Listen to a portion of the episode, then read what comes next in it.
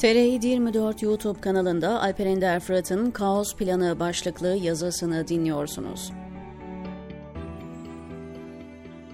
Recep Tayyip Erdoğan'ın ben kazanamazsam kaosa razı olursunuz restini bütün ülke iyice hissetmeye başladı.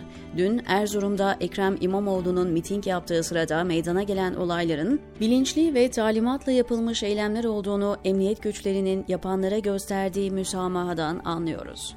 Erzurum'da Ekrem İmamoğlu'nun taşlanması ve sonrasındaki olayları eskilerin deyimiyle bir düğmeye basma olayı olarak görmek mümkündür. Öyle sanıyorum ki AKP Genel Başkanı ve avanesi seçimlerin istediği gibi gitmediği iyice ortaya çıkınca 7 Haziran sonrasında yaptığı taktiğin aynısını devreye soktu. Seçmeni kaos çıkarmakla tehdit ediyor. 7 Haziran seçimleri sonrasında test edip emin olduğu üzere o da biliyor ki Türkiye toplumu kaos ortamından çok korkar. Kaotik bir ortamda yaşamaktansa zalime teslim olmayı tercih eder. Hatırlayacaksınız 7 Haziran seçimlerinden sonra terör öyle bir zıvanadan çıktı ki 400'ü verin bu iş huzur içinde çözülsün sözünü dinlemediğine çok pişman oldu. Pişman olduğunu da 1 Kasım seçimlerinde gösterdi. Çocuklarının canıyla tehdit edilince daha çok can kaybı olmasın diye 400'ü vermeye razı oldu. Hiçbir somut delilim olmamasına rağmen ben 1 Kasım seçim sonuçlarının manipüle edildiğine inanıyorum. Bunu daha önce de birçok kez yazmıştım.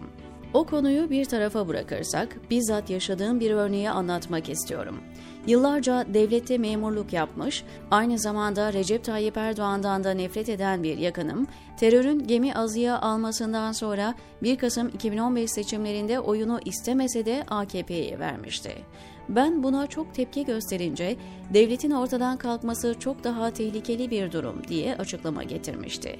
Kaos ortamı her toplum için korkulan bir şeydir. Ama asırlar boyu nice cihangirlerin istilasına ve saldırısına maruz kalmış Anadolu toplumu için tam bir panik sebebidir.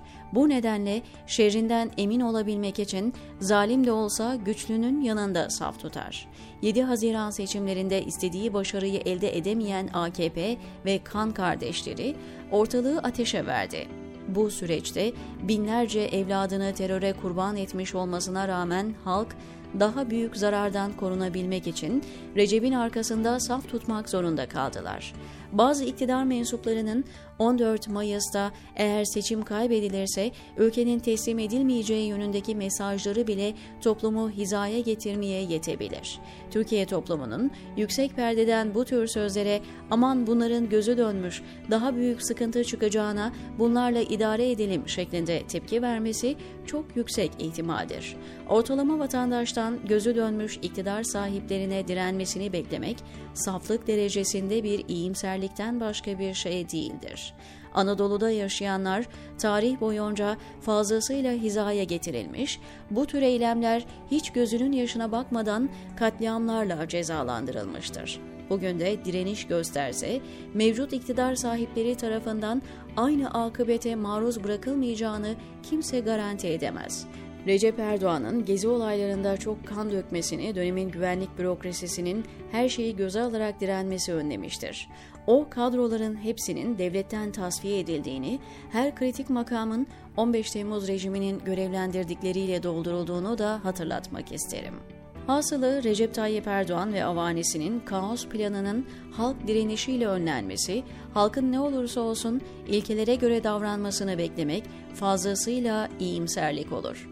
Umarım Havas toplumun kaos planıyla hizaya getirilmesini oturup izlemiyordur, diyor Alper Ender Fırat TR724'deki köşesinde.